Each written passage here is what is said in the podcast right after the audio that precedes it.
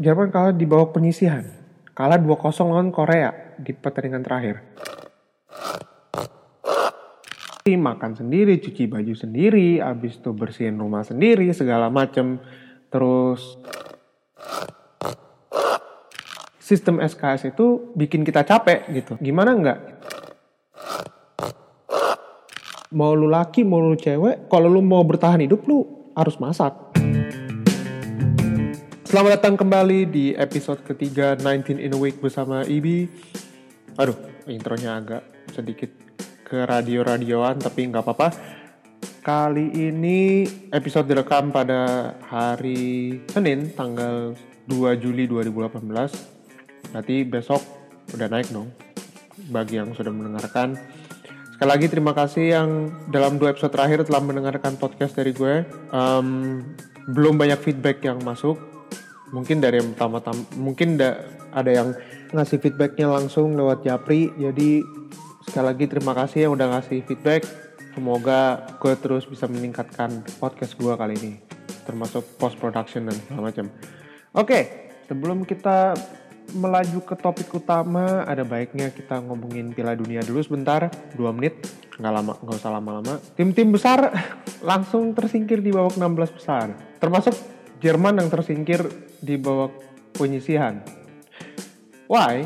Ini mengejutkan banget. Gak, gak apa namanya? Sebenarnya sih nggak heran sih ngeliat tim-tim gede apa namanya berguguran gitu. Argentina kalah sama Prancis yang notabene emang timnya kuat banget di setiap lini. Kemudian Portugal juga kalah sama siapa sih Portugal kalah kemarin? I don't know. Jangan Portugal dulu. Apa namanya? Spanyol kalah sama Rusia lewat adu penalti. Hmm, tidak mengejutkan sebenarnya melihat Spanyol emang nggak bagus-bagus banget dan sebenarnya tidak tidak begitu diunggulkan ketika mereka Hamin satu Piala Dunia ganti pelatih itu sangat sangat ya gimana ya bisa dibilang uh, dadakan banget ganti pelatih hanya gara-gara si pelatihnya mau ngelatih Madrid musim depan ya terus oh Portugal juga kalah sama Uruguay 2-1 oh golnya Cavani dua-duanya cakep um, Jerman kita ngomongin soal Jerman Jerman kalah lewat eh, Jerman kalah di bawah penyisihan kalah 2-0 lawan Korea di pertandingan terakhir. Ada apa sebenarnya dengan Jerman? Well, kalau ngelihat polanya sih biasanya yang juara dunia sebelumnya akan tersingkir di Piala Dunia berikutnya. Terkecuali Brazil waktu itu 2022 menang tapi pas 2006 di Jerman mereka lolos ke sampai ke babak perempat final kalau nggak salah. Waktu itu mereka kalah wah gue lupa lawan siapa. Prancis apa kalau mereka kalah. Ya lupa lah gue intinya ya terus apa namanya? Apa lagi ya yang bisa gue omongin dari Piala Dunia? Oh iya reaksi orang-orang di sini juga ada yang sedih ada yang biasa aja ada yang bahkan sebenarnya seneng gitu karena artinya mereka bisa mempersiapkan diri mereka untuk persiapan ujian yang lebih matang karena mereka nggak perlu nonton bola lagi gitu. Nggak perlu nontonin Jerman gimana Jerman gimana. Mereka coba ngeliat oh skor begini gini. Paling kalau ada waktu kosong baru mereka bisa nonton gitu. Jadi ya kalau yang sedih mungkin karena buat apa orang yang udah dukung banget atau apa ngikutin banget eh terus ngeliat Jerman cuman begini performanya ya wajar kecewa sebagai negara yang sempat ngebantai Brazil 7-1 di Piala Dunia sebelumnya. Sekarang kalah di bawah penyisian ya termasuk mengecewakan. Eh e, ngomongin lagi bola apa namanya bisa dilihat apa tadi barusan Brazil juga menang 1-0 lawan Meksiko. Bosenin banget, gua sampai ketiduran. Bosen lihat Neymar tingkah lakunya yang nggak jelas gitu. Wah, itu udahlah kalian tahu sendirilah kalian nonton juga ini. Oke, tadi kita sempat bahas soal ujian, soal kampus gitu. Ya dikit sih, tapi ada temanya, ada kaitannya dengan tema hari ini. Apa tem apa temanya hari ini? Gue mau ngebahas soal gimana sih sebenarnya gue kuliah di sini. Gitu. Survival kitnya apa gitu. Nah, sebenarnya cukup ada tiga, cukup tiga doang buat survive di apa? Bagaimana caranya anak-anak Indonesia yang di luar negeri bisa survive ketika mereka kuliah gitu. Ada tiga survival kit yang paling penting. Yang pertama itu adalah mandiri. Ya jelas lah mandiri, lu tinggal sendiri di sini gitu. Ya kan? Lo di sini masak sendiri, makan sendiri, cuci baju sendiri, habis itu bersihin rumah sendiri, segala macem. Terus apa? Belum lagi kalian ngurus macam visa sendiri kadang mungkin yang nggak sering dikirimin orang tuanya juga pasti cari kerjaan lagi sendiri buat biayain biaya kuliah atau buat biaya hidup ya kan? Mandiri penting. Apalagi kalian jauh dari orang tua kalian juga jauh dari keluarga teman-teman dekat. Mungkin dulu pas di Indonesia atau apa ya sekarang di sini tugas kalian mandiri tuh nggak cuman hidup sendiri tapi juga kalian bisa berbaur dengan komunitas yang lebih besar gitu. Jadi kita kita pun di sini juga orang Indonesia nggak hanya bergaul dengan sesamanya aja gitu. Kita juga bergaul dengan teman-teman kampus kita, juga mungkin yang punya komunitas misalnya masuk klub atau apa gitu. Juga teman-temannya pasti ada juga di situ. Atau yang kerja juga pasti teman-teman kerjanya nggak mungkin dari Indonesia doang kan pasti ada dari negara lain juga dan emang tujuan kuliah di luar negeri juga kalian apa namanya kalian bakalan dapat perspektif baru ya sebenarnya di Indonesia pun juga bisa seperti itu tapi perspektif baru mengenai manusia itu yang mungkin akan kalian dapetin kalian kuliah di luar negeri bukan berarti tandanya gue promosi kalian harus keluar kuliah di luar negeri. Enggak. Tapi dengan adanya opportunity ini dengan adanya kesempatan ini maka gunakanlah sebaik-baiknya untuk itu. Untuk belajar untuk belajar mengenal diri sendiri, untuk belajar mengenal uh, dunia luar, untuk me mengenal kultur, budaya, serta gaya hidup orang lain gitu kan? Seperti prinsip yang selalu ditekankan bahwa kalian bisa mengambil yang baik dari sebuah kultur di luar gitu. Nggak harus kalian ikutin semua. Enggak lah ambil aja yang baiknya gitu ya kan? Nggak nggak harus kita ikutin semua bla bla bla. Kita kita wajib tahu tapi kita nggak. Tapi kalian juga harus tahu mengambil mana yang positif dari situ. Yang gue nggak usah sebutin apaan sih positif apa yang negatif. Itu kan kalian sebagai manusia sebagai orang Indonesia tau lah yang kedua hilangkan SKS sistem kebut semalam. Nah kenapa kenapa penting untuk menghilangkan sistem seperti itu? Pertama kita udah kuliah ya kan? Berarti namanya kalau kita belajar materinya lebih mendalam ya kan? Terus kemudian berarti kalian sudah harus belajar dari jauh-jauh hari kalau mau ujian ya kan?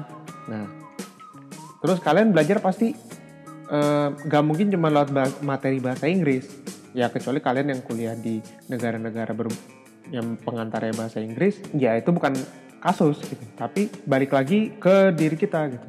Belajar SKS apakah itu termasuk mendis mendisiplinkan diri? Enggak dong. Itu tanda kita cuma belajar buat ujian kan gitu. Kita belajar di sini juga nggak cuma untuk ujian aja gitu. Karena kalau kita belajar SKS terus sukses oke. Okay, itu mungkin emang cara belajar kalian. Tapi di sini pun belajar SKS sebetulnya nggak efektif sama sekali. Dari pengalaman yang udah gue tanya ke beberapa orang mereka bilang nggak bisa SKS sekalipun pelajarannya gampang. Karena menurut mereka pelajaran SKS eh, pelajaran SKS itu eh apa sistem SKS itu bikin kita capek gitu. Gimana nggak? Gitu. Kita harus bisa ngafalin sebegitu banyak slide atau apa pun lah itu materinya gitu dalam satu malam. Nggak bisa kalian juga dapat nilai bagus. Ini penting karena penting sekali untuk kita supaya tidak meremehkan setiap pelajaran yang kita terima gitu istilahnya. Um, jujur awalnya berat gitu karena pas SMA malas-malasan belajar hamin satu belajar apa sebelum ujian dimulai gitu ya kan? Terus sekarang tiba-tiba harus dipaksa belajar terus udah dari hamin 6 minggu sebelum ujian gitu. Itu berat sih emang itu kayak waduh apalagi harus dipelajarin? Kadang kita lagi belajar apa ada lagi yang baru masuk gitu. Ada negatifnya juga sih kita belajar jauh-jauh hari karena kita kadang pun belum tahu apa yang nanti di ujian keluar. Tapi paling tidak dengan kita menghapus sistem SKS dari cara belajar kita itu sama aja itu sama aja dengan mendisiplinkan diri kita sendiri gitu jadi itu survival kit yang paling penting sih kalau kalian mau survive kuliah di luar negeri. Baik kalian yang bachelor atau atau kalian ngerjain master sama seperti itu. Karena di karena itu juga bagian dari yang namanya dis, mendisiplinkan diri gitu. Disip. Berarti itu berarti ada tiga ya namanya. Man, sekarang eh, berarti ada empat gitu. Mandiri iya. Menghilangkan sistem SKS ya berarti itu juga sama dengan mendisiplinkan diri gitu. Ya tetap sih dari awal kita belajar tiga gitu. Cuman disiplin itu bagian kunci asik kunci supaya lo mau belajar tanpa sistem SKS gitu. Yang terakhir dan ini yang sebetulnya menurut gue paling penting kalau kalian homesick atau kangen sama rumah adalah harus bisa masak Why? Sederhana aja, jajan di luar tuh mahal. Kalau kalian emang dasarnya udah punya budget buat makan di luar terus setiap hari, nggak apa-apa gitu. Tapi jajan di luar di sini emang ada makanan Indo. Ya kalau kalian tinggalnya di kota-kota gede yang ada restoran Indonya banyak, itu surga lah buat kalian terus dan kalian nggak mau ngeluarin duit buat apa namanya nggak kalian nggak nggak apa namanya nggak nggak apa-apa buat ngeluarin duit banyak buat makan di luar. Itu nggak masalah. Tapi penting buat kita yang tinggalnya nggak yang kita punya kita sulit punya akses untuk makanan Indonesia gitu ya kan? Nah itu gimana? Masak kita beli bahan makanannya sendiri? Kita kita lihat di YouTube kalau apa namanya buat masak ini itu ribet tapi itu justru jadi semacam survival kit paling penting buat kelangsungan hidup ya kan? Kalau kalian udah jadi student di luar negeri itu maka kalimat atau peribahasa dari bahasa Inggris yang bilang women belong to the kitchen tuh udah basi gitu. Oh semua orang tuh apa everybody belongs to the kitchen. Belongs in the kitchen sorry maksud gue nggak ada. Mau lu laki mau lu cewek kalau lu mau bertahan hidup lu harus masak di dapur. Lu student. Lo nggak? Uh, lu gue mikirin jadi ketawa nih. Lo lo student dan lo nggak bisa masak. Dan lo di luar negeri bukan dalam negeri. Dan lo di luar negeri. You're kind of fucked up already kalau lo nggak bisa masak. Serius gue gue bukannya mendiskreditkan apa namanya orang-orang yang punya akses lebih mudah dan lebih murah untuk makanan Indo di kota mereka tetapi kalau emang nggak bisa masak um, ke depannya susah gitu. Bahkan sebenarnya kalau apalagi buat laki ya gitu. Kalau lu bisa masak laki wah boy ya Allah boy. Cewek suka boy. Bisa yang tipik laki-laki bisa masak serius. Wah itu udah inilah udah apa namanya udah jadi nilai plus gitu. Dengan lo bisa masak dengan lo punya skill pen, tiga skill penting kayak itu bertahan hidup di luar negeri itu mudah-mudahan gampang lah buat kalian. Paling tidak lebih memudahkan kalian untuk apa namanya memudahkan hidup kalian lah ketika kalian kuliah gitu. Kalau ya kayak survival kit penting kayak macam karena harus punya skill yang lain selain kuliah misalnya kayak kerja sambilan atau apa ya itu juga penting. Tapi tiga essential kit ini dari mandiri dari menghilangkan kebiasaan SKS kalau mau ujian sama masak itu tuh udah paling penting buat kalian bisa bertahan hidup gitu. Nanti yang lain skill-skill yang lain akan mengikuti kalau kalian udah bisa dapet tiga skill penting ini gitu. Pada intinya kuliah di luar mau sebetulnya survival kit ini mau kuliah kalian di luar negeri atau mau kuliah kalian di Indonesia paling nggak harus punya gitu. Karena kalau di Indonesia kalian nggak bisa mandiri masa lari terus ke mbak bapak? Nggak kan? Atau kalian juga belajar S, apa belajar kalian SKS gitu. Iya kalau itu sistem itu bertahan terus selama kalian kuliah. Apa namanya mungkin pas S1 ya pas S2 totonya kalian gak bisa gitu gimana? Udah kelabakan dong berarti karena nggak terbiasa disiplin. Sama masak gitu. Ya kalau di Indonesia makan malam lapar tinggal ke abang-abang di luar nasi goreng kayak apa kayak gitu. Udah kelar. Beli. Nah kita yang di luar negeri mm, lapar malam-malam nggak ada nasi goreng keluar gitu. Abang-abang atau apa. Mau nggak mau ya ha masak lagi ini lagi apa namanya siapin lagi cuci piring lagi bla bla bla bla. Tapi paling nggak kita jadi tahu oh masak gini loh pokoknya oh gini loh apa namanya cara orang bikin ini ini ini nih. Waduh alarm bunyi.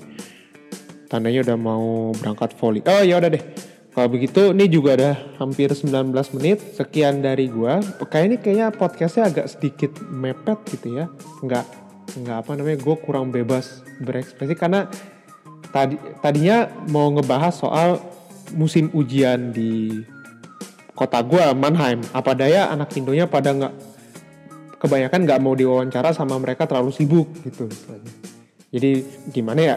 Karena gue mungkin juga emang sekarang lagi sibuk nyusun skripsi, jadi free time gue yang gue pakai sekarang begini gitu. Ya jadi akhir kata semoga anak-anak Mannheim yang dengerin ini kalian sukses ujiannya, amin. Terus mungkin kalian kalau lagi dengerin ini tolong kalau udah kelar gue pengen dong wawancara kalian gitu. Buat yang di Indonesia juga atau kalian yang sering dengerin podcast kalau mau collab atau mau diwawancara juga lang bisa langsung hubungin di apa namanya di kontak gue di halaman SoundCloud gue soundcloud.com slash 19 in a week oke okay? Sekian dulu deh gue kalau ada salah atau apa bisa dikoreksi. Dan sekian sekali lagi. Sampai ketemu di episode keempat minggu depan. Saya undur diri. Sampai jumpa